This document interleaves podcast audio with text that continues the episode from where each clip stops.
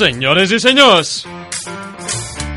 ladies and gentlemen, amb tots vostès... Demà m'afaitaràs! Obrim la traga perres, fem cara de pòquer i repartim les primeres cartes perquè aquí comença el programa més viciós d'aquestes contrades. Durant la pròxima hora, al 92.3 de Radio Targa, tirarem els daus a veure què surt i revisarem el cartró amb plastidècor perquè ben aviat puguem cantar Vinga!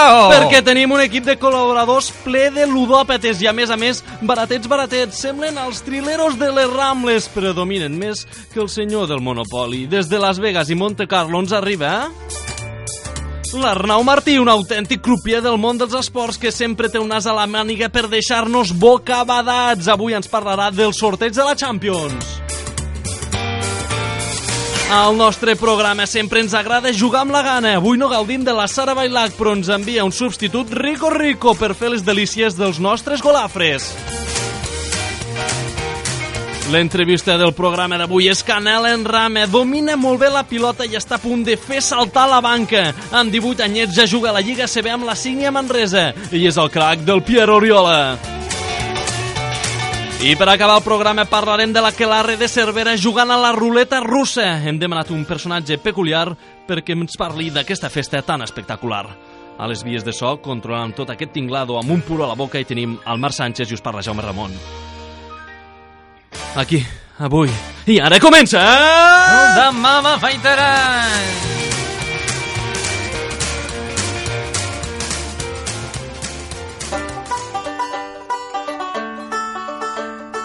Vinga, vinga, vinga, ja hi tornem a ser una setmaneta més aquí a Ràdio Targa, el 92.3 FM, fresquets, amb l'aire acondicionat que ja funciona, una mica d'orxata i amb moltes ganes de passar una bona estona aquí, ja ho sabeu, al Demà m'afaitaràs, on aquest estiu sempre us intentem fer companyia de la millor manera possible. I qui em fa companyia a mi, doncs últimament és el nostre becari, aquest barceloní que vam contractar de les pàgines amarilles, és el Johnny Ramplon. Com estem, Johnny? Ei, què passa with the onda on the night?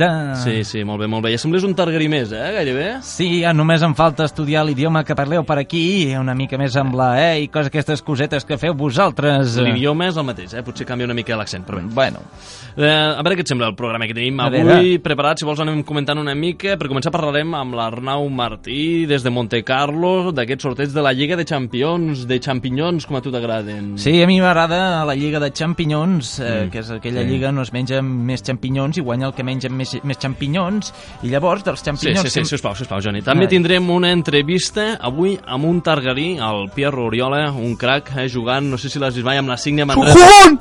¡Es un jugón! ¡Rotototototo! Tranquil, tranquil, tranquil, què t'ha passat d'aquí? És que m'agrada molt. Ah, t'agrada molt, sí, sí. M'agrada molt el, com juga el Pierre i també el mític Andrés Montes. Sí, ja veig que li has fet un homenatge. Doncs parlarem amb el Pierre Oriola, que juga a la Sígnia Manresa, amb un altre targarí, el Jaume Ponsa Arnau. Ben aviat farem aquesta entrevista. També el tema de cuines, com ja sabeu, sempre repassàvem amb la Sara Bailac les receptes internacional. La Sara se'ns ha perdut, ella deia que estava per les Açores, ai, per les Afores, perdoneu, perdoneu, i ara fa uns dies que no la trobem. No sé si jo si ja està tornant cap aquí Targa després d'aquesta ruta per Rússia, Mèxic, Xina i diferents països on ha anat la Sara Bailac, però eh, tu, Johnny, m'has dit que havies buscat, és que el Johnny és el nostre becari, com He dit, buscat el millor cuiner d'Euskadi. el millor cuiner d'Euskadi. El tindrem aquí, sí senyor. Mare meva, no, no sé el que trobarem. Per acabar, repassarem el programa, l'agenda del cap de setmana, que per cert, aquest divendres i comença ja l'Aquelarre. També t'he dit, m'has dit que em portaries algú per parlar de l'Aquelarre. eh, Sí, sí, he parlat amb algú de per allí Cervera i ja m'han contractat amb una persona que diu que vindrà i ens explicarà tot i encara més. Bé, no sabem si les nostres gestions amb el Johnny aniran bé, el que passa que no tenim més gent i hem de confiar en la sort d'aquest del Johnny Ramplon. Ja Tot sabeu que us podeu baixar el podcast al Facebook Demà m'afaitaràs guió Radio Targa, ens podeu seguir en antena al 92.3 FM els divendres a les 11 del matí també a les 9 de la nit.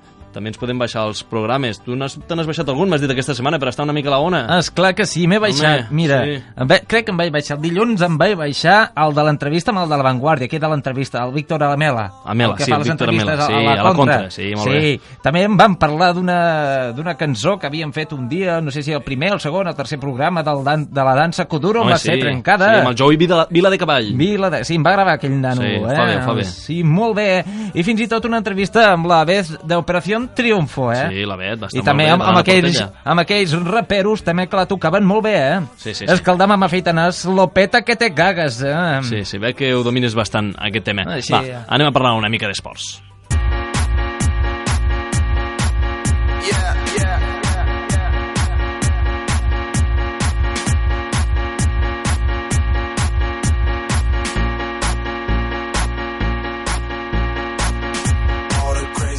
I anem llançadíssims al demà m'afaitaràs, ara és l'hora dels esports i avui ho centrarem tot en un únic tema perquè des d'ahir a la tarda tothom parla del mateix, d'aquesta fase de grups de la Lliga de Campions on ja tenim els grups fets per aquesta fase on al final tot es concentrarà fins la final de Múnich, d'aquesta Lliga de Campions. El Barça defensa el títol i per parlar de com ha anat aquest sorteig tenim el senyor Arnau Martí. Com estàs, Arnau? Molt bé, Jaume, què tal? Molt bé, vas estar pendent ahir d'aquest sorteig. Si et sembla, Doncs començ... sí, eh, he de dir una cosa. Digue'm, digue'm, aviam, aviam. Que jo a, a, a, avui tinc excusa eh, per no ser el programa perquè... Estàs a Monte Carlo. Ja, sí, sí, estava, estava Ah. enfilant ja cap a Mónaco Clar, i clar, clar, clar. clar no? bueno, vaig, vaig sentir la, el sorteig dels equips de la Champions, dels, dels grups, per, mentre estava fent el viatge i ara ja he arribat i bé, en breu pues, ja veurem a quin espectacle ens dona aquest Barça-Oporto. Què em dius de bé? Què em dius de bé? L'Arnau Martí, doncs ja podem dir, el nostre enviat especial al sorteig de la Supercopa, ai, al sorteig de la Champions i a la Supercopa d'Europa entre el Barça i el Porto. Arnau, primer parlem del Barça, que és el que la gent comenta més. Sí. Eh, Barça, Milan, atenció, Bate Borisov i Victoria Pilsen. Què me n'has de dir? Jo t'he de dir que el Victoria Pilsen no, Mm. no em sonava de res, aquest equip. No. No. sé si ha jugat moltes edicions de la Champions, diria que no, No, masses no, no, no, no. o... Cap, jo diria que bé, cap. O, o cap. I bé, eh, jo penso que en el cas d'aquests grups de la Champions, sobretot en aquesta primera fase, abans d'entrar a les Mm. eliminatòries, a part de la qualitat del rival, també s'ha de mirar molt eh, el clima d'allà on aniràs a jugar a fora crec jo, perquè això pot suplir moltes vegades la falta de qualitat d'un equip. Eh, recordem el Barça quan van a jugar a Kazan amb aquell Sí. fred eh, increïble, eh, a, a temperatures sota zero, jugadors amb malles i si haguessin pogut portar bufanda també. I bé, pel que ens ha tocat aquest any, doncs tenim aquest equip de Bielorússia, el Bate Borisov, Sí. i veurem les dates, i, i també el, el, Victoria aquest que Pilsen. el Victoria Pilsen, que és de, de la República Txeca. Sí, sí, Bé, sí. mm, crec que ens hagués pogut tocar equips molt més dolents, per, així directament parlant-ho, eh? Eh, però, però dins el que cap tampoc és un grup que està tan malament. I com ho veus tu, Jaume? Jo ho veig bé, el que passa, mm, és a dir, no hi haurà problema per aconseguir la plaça pels vuitens de la Champions. Hi haurà lluita teòricament, hi ha d'haver lluita teòrica entre el Barça i el Milan per aconseguir la primera plaça, però a priori el Barça és el favorit davant un Milan que sí, la temporada passada va guanyar l'Scudetto, però no sembla que ell Milan tot pedrós de quan Kaká dominava i van guanyar aquella Champions League.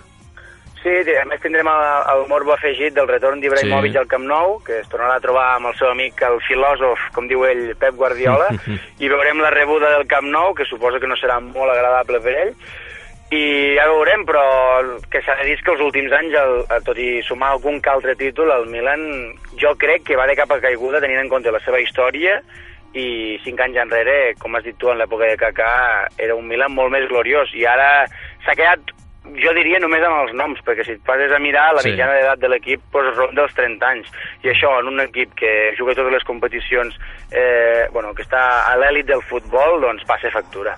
Parlarem, parlaves abans de l'Ibrahimovic aquest retrobament amb el Camp Nou, el filòsof. Un altre dels jugadors que també tornaran a Barcelona al Camp Nou és Marc Van Bommel, el jugador que va estar durant una temporada, la temporada que va guanyar la Lliga de Campions de París, i, I, tant, i, que és- recordem, I recordem titular a la final d'aquesta Champions, eh, a la final Sí, de París. sí, sí. La, la, al mig de camp del Barça, Edmilson i Marc Van Bommel, eh? Sí, sí, va entrar Iniesta a, al descans, va entrar Iniesta per Van Per Bommel. sort, per sort va entrar Iniesta Sí, i sí. ho va, ho va desembossar una mica tot. Un Iniesta que va reconèixer que té males relacions o que no es porten bé amb Marc Van Bommel i ho van veure, de fet, a la final del Mundial, si recordes, aquella Espanya-Holanda, sí. on van tenir alguna enganxadeta. De fet, a les declaracions postpartit, eh, Iniesta ja va dir que ja s'esperava les patades i, i d'aquest mateix jugador. Vull dir que jo no sé com van acabar la seva amistat, si es pot dir així, al Barça, però la veritat és que actualment tenen força divergències entre els dos. Seguirem. En principi, doncs, Arnau, quedem així, que el Barça hauria de passar primer de grup, competint una mica amb el Milan, però els altres dos equips, el Bate Borisov i el Victoria Pilsen, dels quals no crec que estem per poder fer algun anàlisi exhaustiu, eh, No. estan per completar el grup. Evidentment, i a més eh, no, no tenim dret a queixar-nos, perquè si no ens anem a veure a, els de Castelló, allà a Villarreal, Aviam. i, i, i, que ens, i que ens diguin el que els sembla que els ha tocat amb ells. Atenció al grup, Bayern de Munic, Villarreal, Manchester City i Nàpols. Déu-n'hi-do, déu nhi déu Encara que jo llanço la meva proposta i la meva aposta a favor de, del Villarreal i crec que passarà de grup. Sí? Veurem qui, qui es quedarà, qui, qui, qui es classificarà i qui quedarà fora, però sigui qui sigui, mm, segurament hi haurà sorpresa. El que podríem dir el grup de la mort, però un grup dificilíssim I tant. i que qualsevol pot mm, passar de quedar primer a quedar eliminat i no anar ni tan sols a l'Europa League. Vull dir que estarà molt igualat aquest grup. Jo tampoc sé fer pronòstics. Tu dius que passarà el Villarreal. Jo tinc els meus dubtes perquè veig el Manchester City molt fort. El que passa que el Bayern de Múnich i el Nàpols doncs, són molt, molt, molt igualats i el Villarreal potser ha perdut una mica de potencial sense Cazorla, però veurem. El grup del Madrid, Arnau, aviam, Olímpic de Lió, Ajax i Dinamo Zagreb. No ho sé, però sembla que l'atzar vol que tornin a coincidir molts equips que ja s'han Mm. enfrontat en, en, en, en edicions molt recents de la Champions. Recordem tant l'Ajax com l'Olímpic de Lió que s'han enfrontat al Madrid Sí. en, en aquestes últimes edicions. I bé, jo crec que és un grup també assequible. L'Olímpic de Lyon podríem parlar que li està passant una mica com el, com el Milan, no? que, que farà dos, tres anys eh, guanyava, portava unes, recordo, eren cinc lligues consecutives, Sí, sí, sí. Eh, I ara doncs, segueix estant a dalt, segueix sempre classificant-se per la Champions, però crec que ja no és el que era. Bé, eh, veurem com, com li va al Madrid. Mm, Jo suposo que es classificarà sense molts problemes i, i ja veurem, ja veurem després, clar, ja, ja, és, ja és fer unes, uns pronòstics una mica arriscats, veure qui hi haurà a les eliminatòries, però bé, en principi, sobre el paper, no, de- no hem de tenir molts problemes. L'altre club de la Lliga Espanyola que participa en aquesta Lliga de Campions, a part del Barça, el Villarreal i el Madrid és el València, que li ha tocat un grupet mm, d'aquests podríem dir mm, una mica complicats però que sí. pot passar. És el Chelsea, Bayer Leverkusen i Genk. Clar, tot, jo crec que tot dependrà de com estigui el, el Bayer Leverkusen, no? Perquè diguéssim que és el, el que li podria discutir aquesta primera o segona plaça. En principi, sobre el paper també diem que la primera plaça és pel, pel, pel coco del grup, no? Com, que, com Mm. és l'Inter de Milà, que si també ens posem a mirar, també ha baixat bastant el seu rendiment i ara amb la venda de To, del seu delanter, Mm. ex del Barça, Sí. a l'Anzi Rus, doncs encara perd més potencial al davant. Veurem, també serà un grup interessant i, i potser ens depara alguna que altra sorpresa. Vinga, ara et dic els altres grups i tu em dius els dos que apostes per què passarien, vale, Arnau? Vinga, va. Vinga, aviam, Manchester United, Benfica, Basilea i Otelul Galati. Eh, jo crec que, bueno, aquí aquí està bastant Sí, clar, crec, fàcil, eh? eh? eh? Manchester United i Benfica. Perfecte. Porto, eh, Shakhtar, Zenit i Apoel de Xipre. Doncs aquí crec que passaran el, tant el Shakhtar com el Zenit, i que l'Oporto es quedarà fora. El Porto fora, eh? Ho apuntem, això. això el Porto fora. Ja veus que tinc aquesta actitud una mica beligerant de cara, de cara a aquesta nit, Ah. de cara aquí a unes hores, i ja... Bueno, jo crec que bueno, Falcao era un home molt important, així que és veritat que els hi queda Hulk i, i, i altres jugadors eh, com el seu porter, que, que és un, una eminència no, en, el, en el seu equip, Mm. i però de totes maneres, jo crec que, que no, que, que acusaran tot això que els està passant ara, de, de ser campions de UEFA, d'afrontar la Supercopa, i que quedaran fora. No ho sé, és el meu pronòstic, i ja us dic, no, no em feu massa cas, però bé, és aquesta, aquesta la meva aposta. Jo ho anoto i d'aquí uns mesos veurem a veure si guanyes aquesta aposta. Molt bé. Però no m'hi jugo, no jugo sopars ni res, Ni eh? pèsols, ni pèsols. L'altre grup. Eh, Arsenal, Olímpic de Marsella, Olympiacos i Borussia Dortmund. Un, un grup força entretingut. Pot estar bé aquest grup. Sí. Eh, jo crec que... M'ho pots tornar a? Arsenal, Marsella Olympiacos, Marsella i, Borussia Dortmund. Correcte. Doncs només te'n diré un que sé que passarà, que crec que passarà, que serà el Borussia Dortmund. I la resta no ho sé, perquè l'Arsenal sí. sí que s'ha classificat eliminant l'Udinese, però jo crec que li ha de fer mal que se'ls emportin tantes figures. I, a part de a nivell futbolístic dins del camp, a nivell moral ha de, ha de deixar tocat que se te'n vagi Cesc Fàbregas o el capità, que diguéssim el buc insígnia d'aquest equip, i després Samir Nasri, que era el, el, aquest jove que ja els últims anys tirava molt del carro, i jo crec que s'ha notar per una altra banda. Sí que és veritat que amb els diners d'aquests jugadors eh, s'han gastat eh, fitxatges com un gairebé juvenil, anomenat Campbell, que s'han deixat Sí. quasi 20 milions, però jo no sé els galons que tindrà aquest noi dins l'equip i si podrà suportar tota la pressió que és de ben segur eh, recaurà sobre ell. Veurem aquest Arsenal post Ses Fàbregas i l'últim grup Inter, CSKA Moscou, Lilla i Transbosport de Turquia. Eh, Inter, vale. Inter i, i CSK. jo. CSKA. I ara espera, que tinc el Johnny Ramplon aquí, que... Ei, què passa? Que Au. abans ha sentit que no volíem fer comentaris d'aquests equips una mica desconeguts i m'ha dit que tu ets un expert i que vols parlar d'aquests equips. O com ha anat això? Mm, Bé, un expert no, però tinc alguns dubtes amb alguns d'aquests equips. Per exemple, al grup del Chelsea hi ha un equip que es diu Gent. Genk, sí, sí. I dic, quina gent juga?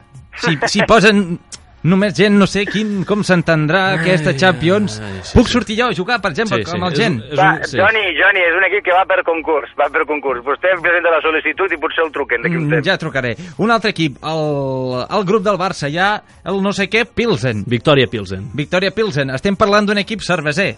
Per què? La Pilsen, la cervesa Pilsen, és una famosa cervesa. Doncs- Eh, M'ho conec perquè m'ho va dir un amic l'altre Sí, dia, eh? sí, sí. Vostè mai veu, mai veu, mai no, veu. no, venc mai, i menys a la ràdio, eh? Però bueno, um, un altre equip. El, el que seria el grup del Manchester United, hi ha un parell d'equips que Sí. em toquen una mica la moral. Sí.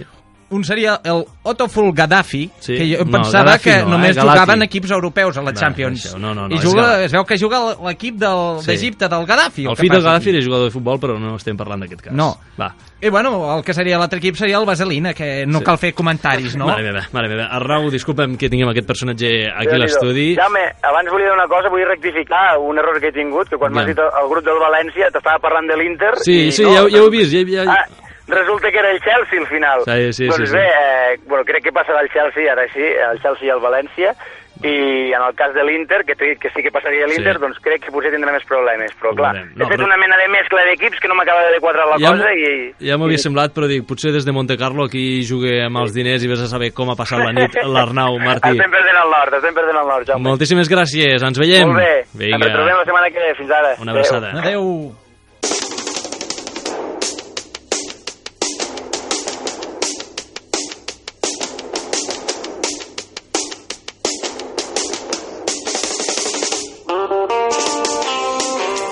I després de parlar d'esports, a mi m'ha vingut una mica de gana i com us dèiem al principi, avui no tenim la Sara Bailac perquè ens porti les receptes, però tenim un personatge que jo no tinc ganes de parlar gaire amb ell. Us el presento, es diu Igor Cociñano.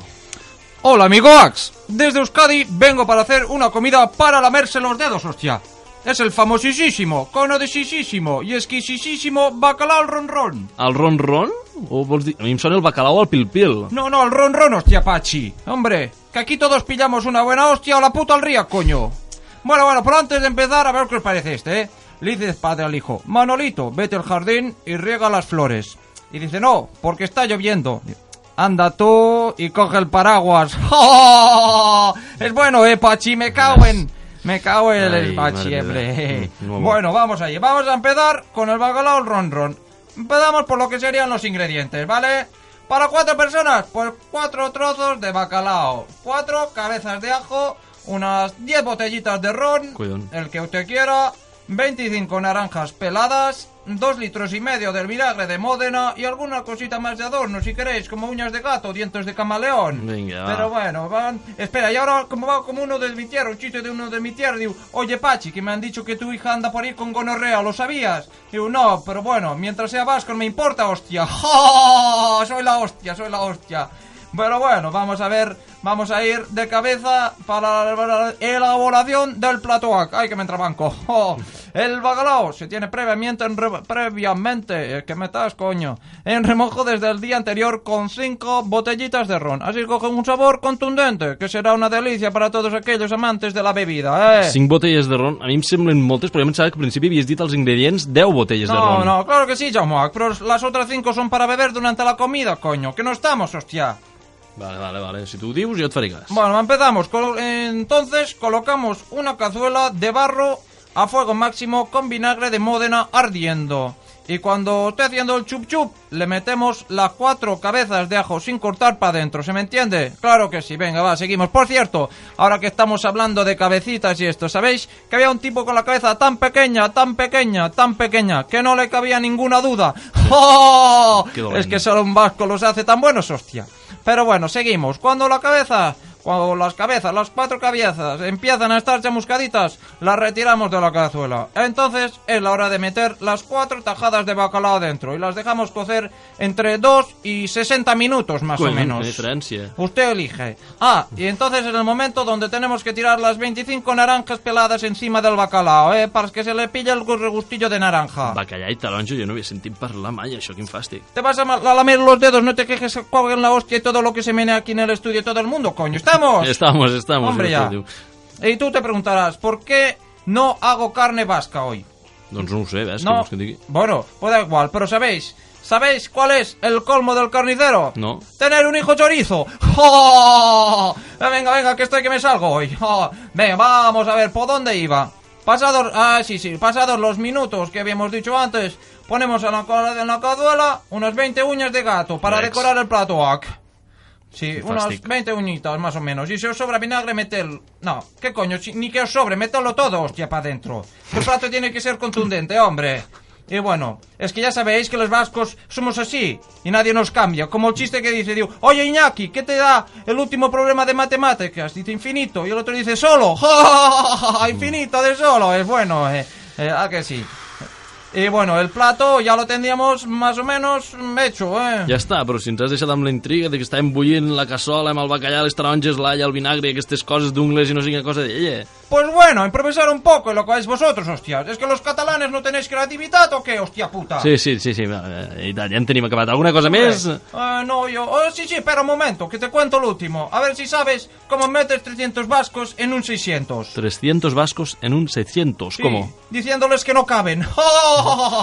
venga, venga, pequeños gourmets. Espero que os guste la receta y a tomar por culo. ¡Agur, Deix- compañeros! Va, va, va, va, deixem-nos de friquis i de receptes, m'agrada més la Sara Bailac i a veure si la setmana que ve la podem tornar aquí. Va, anem a entrevistar una entrevista que a tu t'agradarà molt, Pierre Oriola. Mm, Es a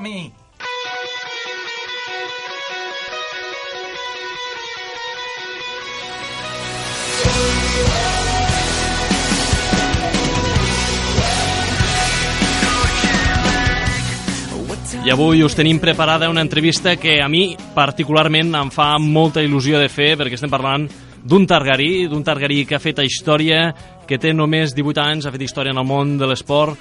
Molts de vosaltres segur que el coneixereu i l'haureu vist per Targa. De fet, és fàcil veure'l per Targa perquè és un targarí que fa 2 metres i 6 centímetres d'alçada. Per tant, és difícil perdre'l de vista i no perdem de vista els propers anys perquè té un futur que pinta molt i molt bé és en el Pierre Oriola, estem parlant del Pierre Oriola que amb només 18 anys ja és el primer targarí de la història que ha jugat a l'ACB i que aquesta propera temporada tindrà plaça fixa al primer equip entrenat pel Jaume Ponsarnau, un altre targarí il·lustre en el món del bàsquet. Pierre, el tenim en via telefònica. Com estàs, Pierre? Hola, què tal? Molt bé, molt bé. Molt bé, estàs- Encantat d'estar aquí a la ràdio. Home, ens encanta tenir-te al demà m'afaitaràs aquí a Ràdio Targa durant aquest estiu. Ara mateix estàs a Manresa, no? Ja ha començat la pretemporada? Sí, començava, vam començar dilluns i bastant, bastant dura, la veritat. Sí? Estic que, que em costa, costa començar, encara que sigui tot l'estiu treballant, costa començar, però bueno. Bé, una, mica de fer. una mica de sucre per a aquestes agulletes, m'imagino. Exacte, de, cada, després de cada entrenament, sobretot molt gel i algo de sucre per recuperar les forces. Així m'agrada. Tu, Pierre, actualment estàs al, al primer equip de la Signia Manresa, la Lliga CB, la que diuen que és la, la segona millor lliga del món. Després comentarem com es presenta aquesta campanya apassionant, però si et sembla, abans, Pierre, parlem una mica dels teus orígens, fem una mica una, mica una evolució en aquesta entrevista, començant per on vas començar a guitarra, que jo diria que no era una pista de bàsquet, sinó que diria que era una porteria de futbol. Vaig equivocat? No, no vas equivocat, no vas equivocat. Com va anar això? Explica. Bueno, jo jugava a futbol abans i pues, diria que va ser el primer any, doncs, allò, una pilota quan sortia mm. fora, en vez d'anar corrent i intentar-la salvar, pues, em tirava per ella com, com si fos un porter, no? I acabava més d'un partit amb claus a les cames, inclús amb ferides. Perfecte. Intentem a veure si es pot moure una mica el Pierre perquè ens arriba ara el so una mica mogut, Perfecte. a veure si podem tenir una millor qualitat de sons. A Espera que això... Així Aviam. millor? Aviam. Sí? Sí, una mica millor tenim el so. Eh, expliques això que vas començar a jugar amb futbol, però després et vas passar al bàsquet fins a l'any 2008, si no recordo malament. Què recordes d'aquella Sí. època? Vaig estar, bueno, va ser pues, els primers començaments amb, amb el bàsquet i, bueno, amb els companys. Eh, recordo que tenia companys, doncs, que anaven a l'institut, anaven amb mi a classe, i inclús el meu millor amic també jugava amb mi i bueno, va ser la, la meva primera experiència en el món del bàsquet. Exacte, i després passes ja al júnior de Lleida, va ser una temporada amb el primer equip una mica tocat, que va ser aquella temporada que després va renunciar a l'equip, però amb el júnior vau firmar una bona campanya.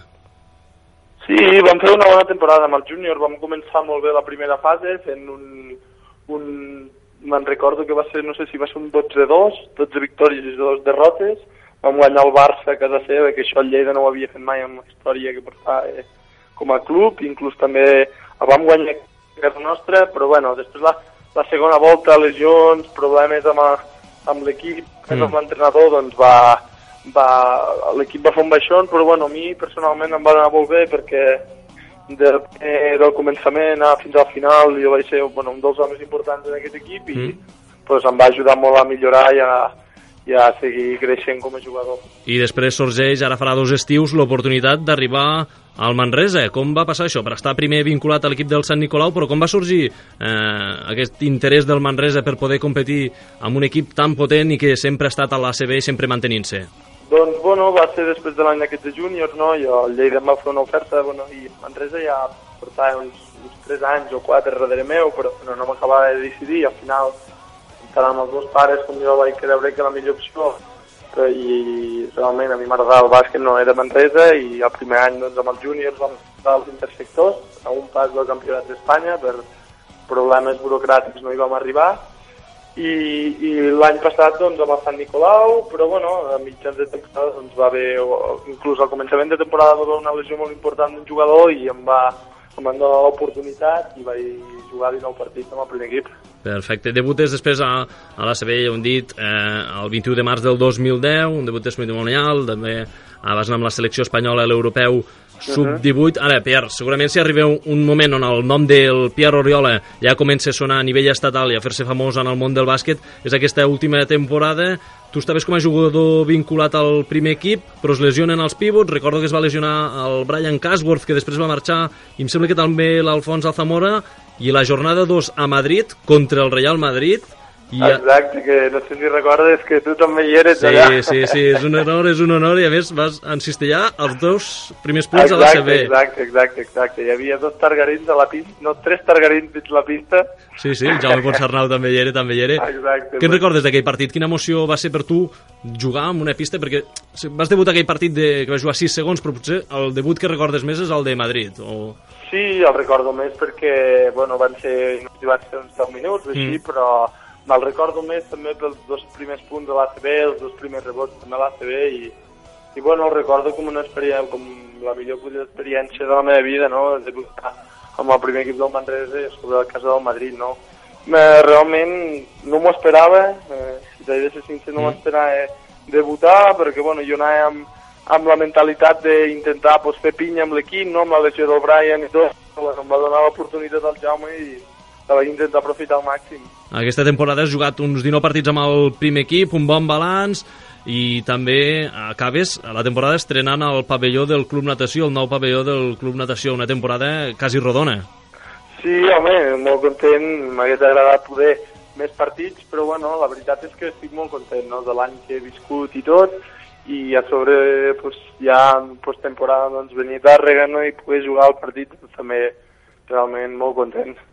Perfecte, parlaves del Jaume Ponsarnau abans, que està format aquí Targa, tots el coneixem, que va portar el, el sènior femení a la segona divisió estatal de la Lliga Femenina i que ara està triomfant a la CB, mantenint el Manresa. De fet, és l'entrenador que porta més temporades consecutives ara mateix en un club ACB. Què me n'has de dir per tu, Jaume? Què n'és per tu, el Jaume Ponsarnau, Pierre?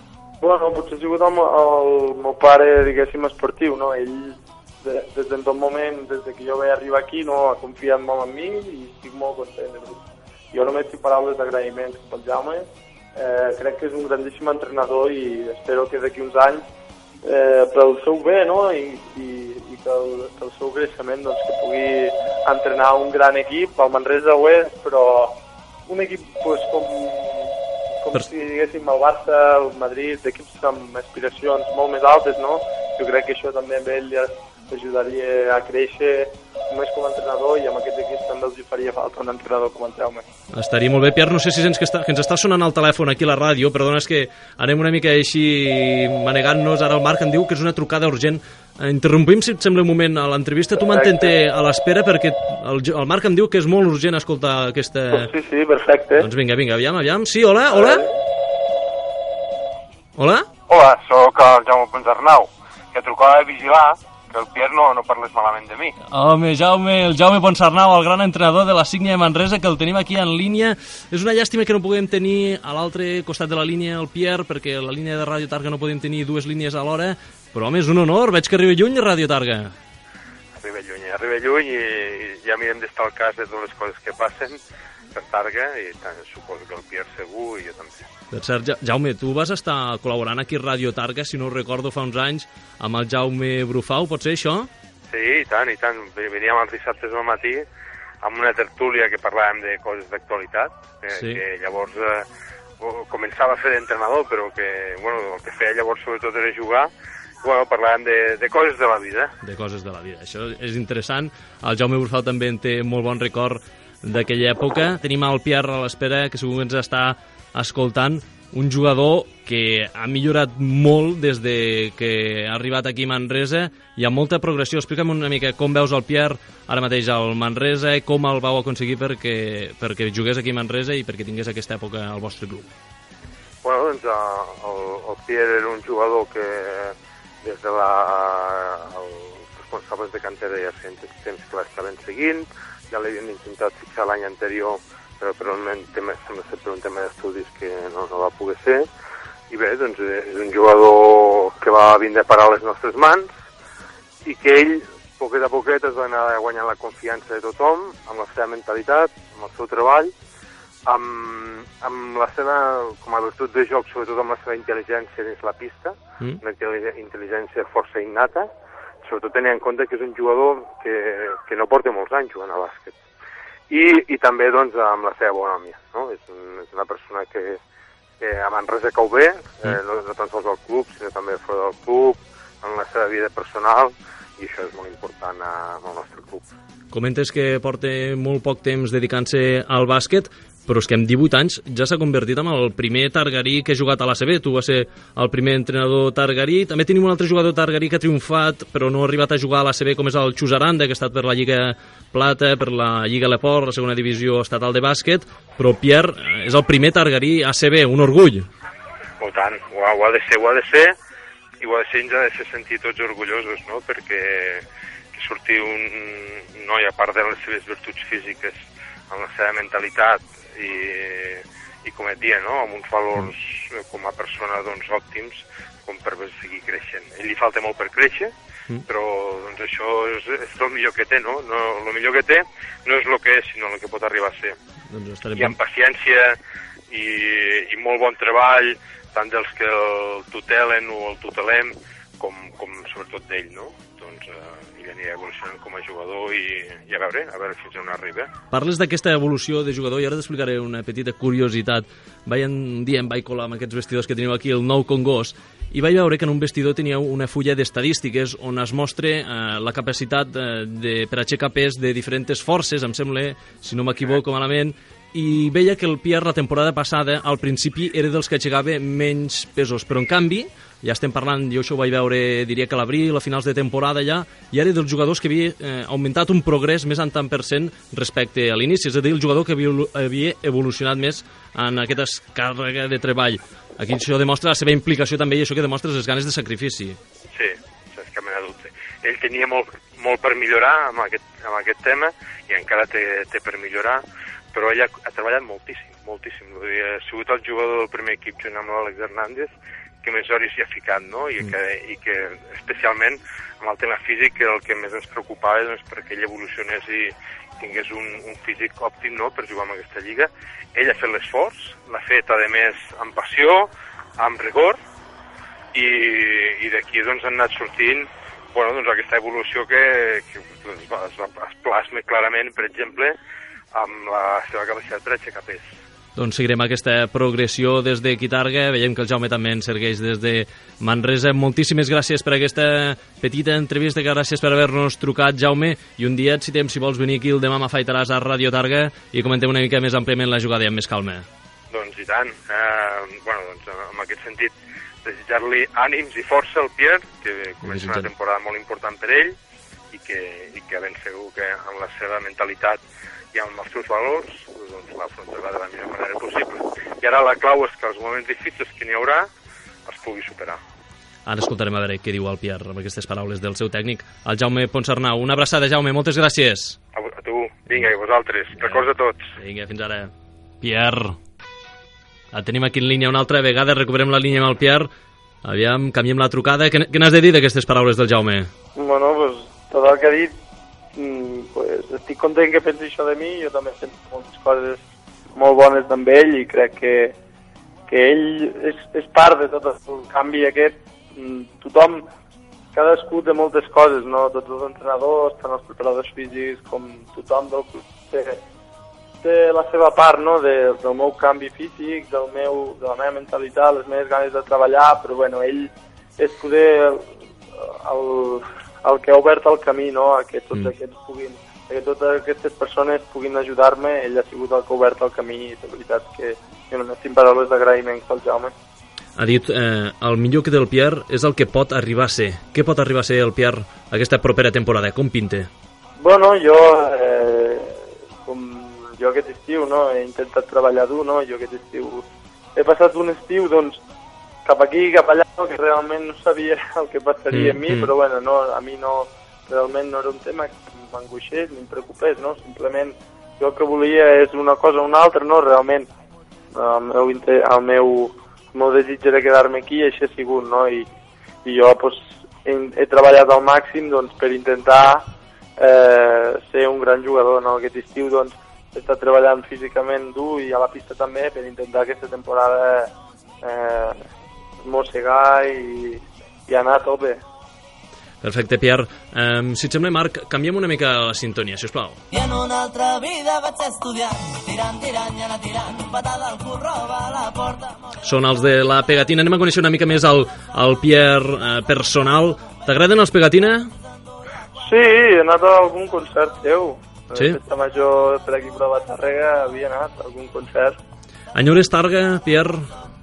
Bueno, enhora sobretot la meva família. Mm. Eh, les meves germanes, tant les meves germanes com els meus pares els trobo a faltar, no? Eh, els trobo a faltar perquè vulguis o no, doncs la família és el més important i a vegades es, es troben a faltar, no? A vegades tu de, quan ets jove dius, ai, els pares i tal, no? Però es troba a faltar, la veritat. El Pierre, que el tenim quasi com d'Erasmus per Manresa. Per cert, a part del bàsquet, fas alguna altra cosa? Què estàs fent ara aquí?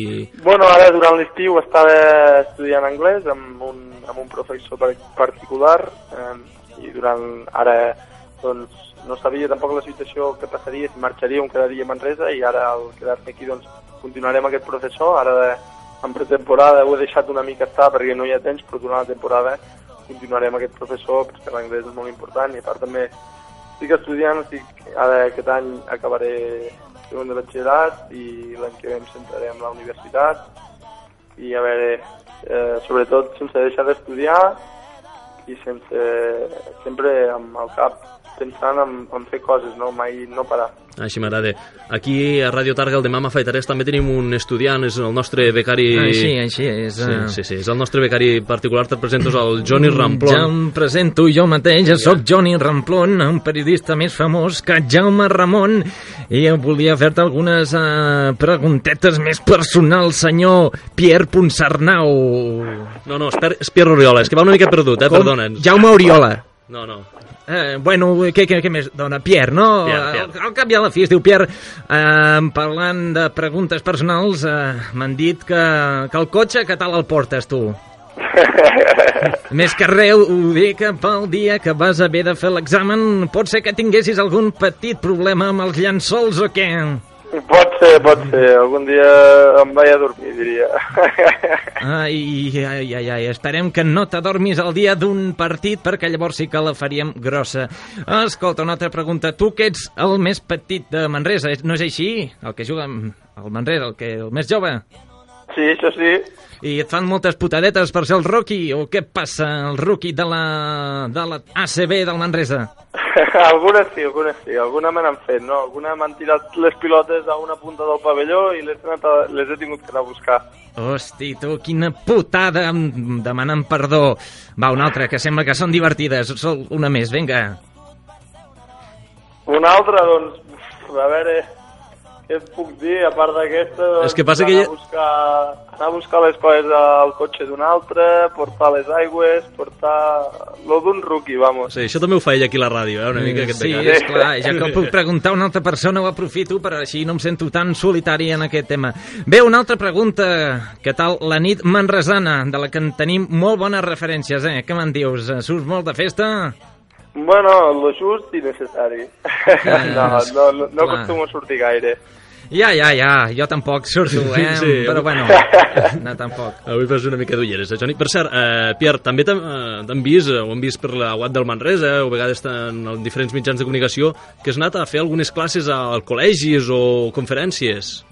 Sí, he anat a, amb, amb diferents jugadors, no? Em va tocar amb el Sergi, em va tocar amb l'André Owens, doncs, anar a diferents col·legis de Manresa, doncs, explicar una mica la nostra experiència, que els profes, que els nens comentessin, ens fessin preguntes, comentessin coses, llavors estar amb ells fent un 21 o jugant una miqueta.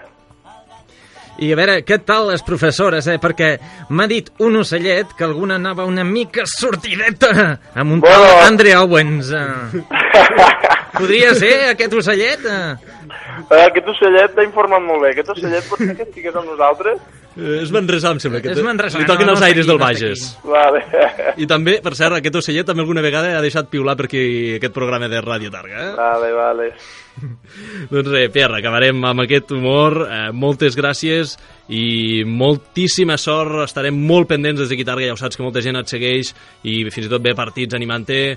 Que tinguis molta sort, que et vagi molt bé i moltíssimes gràcies per haver col·laborat amb nosaltres en aquesta entrevista. Moltes gràcies a vosaltres, de veritat. Molt bé, una abraçada molt forta. Igualment, adeu. Cuidem el Pierre.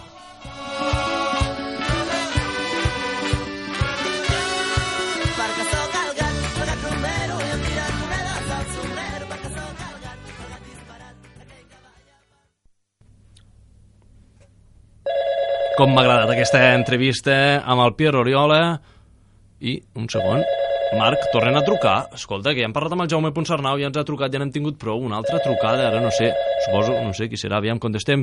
Sí, hola? Ah, Maria, A Maria, aquesta, no és el Jaume Ponsarnau, segur. Qui és vostè?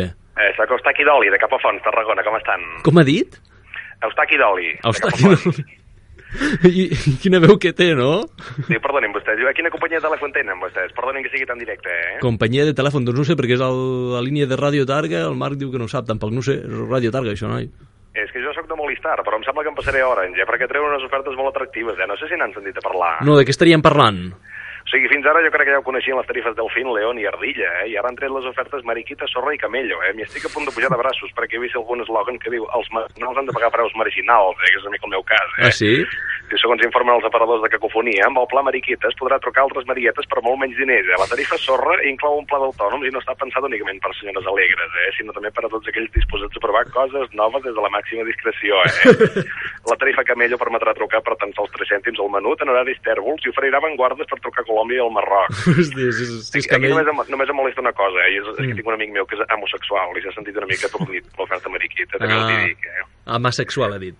Ai, homosexual, sí. Vaig Homosexual. parlar, vaig parlar amb una persona de la companyonia i se'm va desplanxar a gust, eh? Sí? El molt cabron em va dir que no és una oferta pensada per gais, sinó, sinó per marietes de tota la vida, eh? Els típics maricons de províncies que porten xaleco i pajarita i es pinten les ungles, em va dir el cabron. Me caso en dere, eh? A mi les decantacions d'aquesta persona em van, em, van, em van molestar bastant, eh? però també vaig aprofitar per veure que se li treia més informació i em van dir que ja estan pensant en noves tarifes, que aquesta potser els agrada més, eh? Ah, sí? Aviam, digui. Concretament tenen una pensada que és la tarifa Perraco, Oh, eh, ojo. Adequada per a tots aquells que prefereixen deixar sonar el mòbil per no haver d'aixecar-se del sofà i respondre, eh? En conec alguns d'aquests de Perraco, sí. Aquesta nova tarifa se'n donarà quantiosos beneplàcits a l'empresa perquè diuen que els, el, el, els que els contraataquin seran els topis que no trugen perquè et prefereixen espantar que els tronquin a ells, eh? I quan rebin la factura Ah. ni es molestaran a trucar per demanar explicitacions i estaran pagant una barbària durant anys, eh? Ah, així m'agrada, així m'agrada. És a dir, una... per espavilats. Exacte, vostè seria més de l'oferta Perraco, eh? Ja ho Sí, veig, sí, eh? oi, m'agrada, m'agrada aquesta. En fi, els deixo que els vaig a comprar, em vaig a comprar un immòbil d'aquests a veure si em fan la tarifa sorra perquè tinc molt de temps lliure, eh? Per cert, una pregunta, eh? quin tant per cent de cobertura té aquesta companyia? Eh, 99%. 99 què? per cent. Ah, un 99%. Sí, sí, diu- diuen que no falla, eh? No, no falla mai. I aquest 1% a què es refereix? Perquè jo sempre he tingut curiositat quan he vist anuncis de companyies de telèfons que diuen que tenen el 99% de cobertura, però a la pràctica sempre hi ha un punt que no té cobertura. No ho sé, deu, deu ser el cas d'algú que no, no volen dir qui és, algú que deu ir a la porta del poble, perquè jo sempre, sempre, sempre tinc cobertura, eh? Molt bé, disculpi'm el nom que no el recordo. Sí, Eustaqui d'Oli, de Capafonts, Ah, Tarragona. està aquí dalt. Moltíssimes gràcies per aquesta trucada i bé, ja expliqui la, les tarifes amb una altra persona perquè nosaltres, si li dic la veritat, ens interessen ben poc. No estan gaire interessats, eh? Va, No. disculpin, disculpin les molèsties, eh? Les molèsties, sí, sí, va. Anem a parlar del cap de setmana. Adiós, adiós.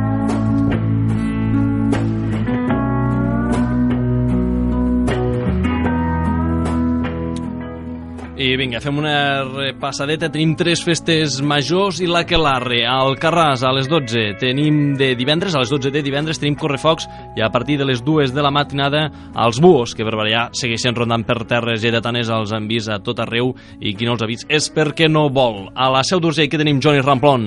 A la Seu d'Urgell dissabte també fan festa major a partir de les 12 de la nit la troba Kung Fu i de papes en de popos. Festa allà dalt on sempre hi ha diversió assegurada. I diumenge a la una de la nit, per cert, també toquen els Rumba Tarumba i els Tremendos. Els tremendos agrada molta gent. Això el diumenge a la Seu d'Urgell. A Juneda també es festa major i el divendres a dos quarts d'una de la nit arriben uns altres clàssics de l'estiu. Jo diria que els tres clàssics de l'estiu dels concerts són els Buos, l'Hotel Cochambre i la Terrasseta de Preixens. Doncs això, divendres a dos quarts d'una de la nit l'Hotel Cochambre per passar un bon divendres a Juneda. I també tenim la Clarre, d'acord? El Johnny Ramplon eh, m'ha dit que ha trucat amb una persona Sí, sí. Sí, eh que sí, que has Està trucat a amb una persona. d'arribar, està a està a punt punt d'arribar. Doncs ja sabeu, aquest cap de setmana és la Quelarre, la festa aquesta de les bruixes, el foc i la màgia, una de les festes més nostrades d'aquestes terres. Per això, avui hem trucat a Cervera, al Johnny, perquè enviessin algú que ens expliqués els principals actes que fan allà durant tot el cap de setmana. Desconec qui hem trucat, per això, si us plau, Johnny, eh, obre la porta, si us plau, Marc, baixa aquesta música, sí? Anem a mirar a veure qui es presenta. Eh, no, no, no, no, no, no, no, atenció, no, no, no, obert la porta, no pot ser. No, no, no, no, no, no, no pot ser, no pot ser. Oh, oh, oh, No, oh. no, no, sisplau. Tranquilo, nene, que te, después te le limpio el pene. Oh, No. oh, oh, oh, oh. I ets tu la que ens has de parlar dels actes de Cervera? Sí, guapo, sí. Me caso amb El que se'ns acaba de presentar l'estudi de Ràdio Targa, per la veu l'haureu conegut, Marcelina Penevina, la tarotista targarina, però què hi pinta vostè? És que jo ara no entenc res, eh? Vull dir, és que li van dir que no la volíem més i ara se'ns presenta aquí per parlar de la Quelarre. Que sí, Jaume, que sí. Que mejor que presentarlo que con Marcelina, la que siempre te lampina. Oh, oh, oh, oh, oh, oh. Si a la que la queréis ir, muy caliente debéis de ir. I això, Oh, mira, oh, vinga, oh, sempre amb els temes picants i calentons, és que no m'agrada Au, això. chato, chato, no malinterpretes, ¿eh? Lo digo por los correfox. Ah, que vas caliente por los correfocs de la Quelarre. Sí, Oh, sí, oh, sí, oh, perdoni, oh. eh, perdoni vostè. Venga, va, vamos al meollo, que si no te como todo el pollo. Oh, oh, oh, oh, oh. Quin remei que el meu olla, tu no sé de què parlarem amb aquesta dona, perquè no la veig molt seriosa. No? Mm. Parlem de divendres, a veure, què ens hi podem trobar a Cervera divendres? Si el viernes te vienes a Cervera, venme a encontrar en la carretera. Oh, oh, oh, oh, oh, oh. Quan estava parlant d'activitats que podrem trobar, estic preguntant per les activitats que veurem, no vostè, no m'interessa. Sí, bueno, depende de cómo se mira. Yo también soy una actividad, ¿eh? Sí, sí, sí, sí. Bueno, en fin. A ver, el viernes, un momento que me saco la cartita. La carta. A ver... eh. Sí, me sale que a la Plaza Mayor, rumbeta podéis bailar. Porque tocan araina y el cuerpo se os moverá como una vaina. Molt bé, Marcelina, aquesta m'agrada, veus? Ara, veu, pot fer coses que no siguin sempre picantones. A partir de les 12 de la nit, no? Això és? Así es, Chauma. Y aún no es todo. Si mi fuego queréis probar, a la una y media en la Plaza Mayor me vas a encontrar. Vinga, Oh, oh, això és oh, no oh, para... Y si alguien de mis servicios disfruta, pues entonces os encontraréis otra ruta. Et veig molt enigmàtic avui. Quina Sí. ruta? Sí. Que, qui... La del correfoc de los diables de Cervera. A los que les comería toda entera. Ai, ai, mare. Sempre aquestes rimes. Aviam, doncs dissabte, deixem divendres, dissabte, que és el dia fort de la Clarre. Mi día favorito es el sábado. ¿Sabes por qué, Chauma? Doncs no, per què, per què? Porque se me corre el rabo. Eh, però què, què dius? Escolta, quin fàstic, però... Vols dir que cal dir això? Vull dir, és que no... no que no guapura que sale en el programa, ¿eh? Que es verdad. A las 4 de la madrugada tenemos la correguda del mascle rabón. No, ah, ja sé què vol dir. Sí, mascle rabón. Ai, que no coneix gaire bé això. És l'escorreguda del mascle cabró. Bueno, eso del cabrón, es lo mismo, ¿eh? Sí, eh. Bueno, encima, el sábado podéis ver mi baile favorito. Es el baile de la polla, que te pone el rabo muy bonito. Ves, no sé si el vull veure, eh, aquest ball, eh? También sale el programa ahí. Sí, sí, això el dissabte. Sí. Y a las, dos, a las doce y media en Mm. Racó lo podéis ver. Y si me veis desnuda, tocarme es vuestro deber. Oh, oh, oh, Sí, li dic la veritat, eh, despullida, de, veure-la, és ja no sé ni el que dic, veure-la despullada Oh, oh, oh, no, no, no, no vull, no vindré, i, i a més, eh, també, deixi'm mirar aquest programa, a veure, el dissabte a la una i quart i a dos quarts de quatre de la nit, a veure, va, repassim l'agenda del diumenge, va. Mm, Vale. El domingo es un día turbio. Yo me estiraré en la cama y espero tocar algún mandubrio. Oh, oh, per què ha de oh, ser oh, turbio oh. el diumenge? Porque todos tendremos mucha resaca y todo lo que comamos se transformará en caca. Calla, calla, calla, calla, Oh, oh, calla, oh, calla, oh, oh. Però aquells que no veguen, que no tothom veu com vostè, que i si no fan res el diumenge, no, hi ha res. Sí, nene, sí. Podéis encontrar diversos talleres y conferencias. Podéis encontrar más en la web aquelarre.cat. Mira, guaita, si sembla una professional de la ràdio, gairebé, escolti. Mm, Sí, esto es lo único que tenía que decir. Es que me tengo que ir porque hago tarde, ya que el chocho me arde. Oh, oh, oh, oh, oh. Ai, ai, ai, tiri, tiri, tiri, i així que vostè treballa per la Quelar, i això no m'ho imaginava. El Johnny aquest, parlarem amb aquest, perquè no sé si és veritat això, eh? I no fas mai vacances, tu, Marcelina? Sí que hago vacaciones, nene. De hecho, pronto me voy a Fuerteventura, donde hay mucha polla dura. Ah, Oh, sí, sí. oh, oh, Tira, oh, oh, oh, ai, vinga, que ja ha fet la seva feina, en tenim prou de Marcelina per avui, Sí, eh? macizorro. Y recordad, yo no soy una de esas mujeres sabiondas. Yo tengo el coño como un microondas. Oh, oh, oh, oh. Bé, eh, disculpeu que hagi tornat la Marcelina Penevina. Molta gent m'està dient per el carrer que torni a la ràdio, aquí al carrer Santana a mi. La veritat és que em feia una mica de mania, avui no la volíem portar, però igualment se'ns ha presentat al final del programa per acomiadar el Demà m'afaitaràs d'aquesta setmana. Res més, a tots, moltíssimes gràcies per seguir una setmana més a les zones de Radio Targa. Ens retrobem la setmana que ve. Vull que porteu la, far, la barba, la barba, la barba ben afeitadeta, perquè demà m'afaitaràs.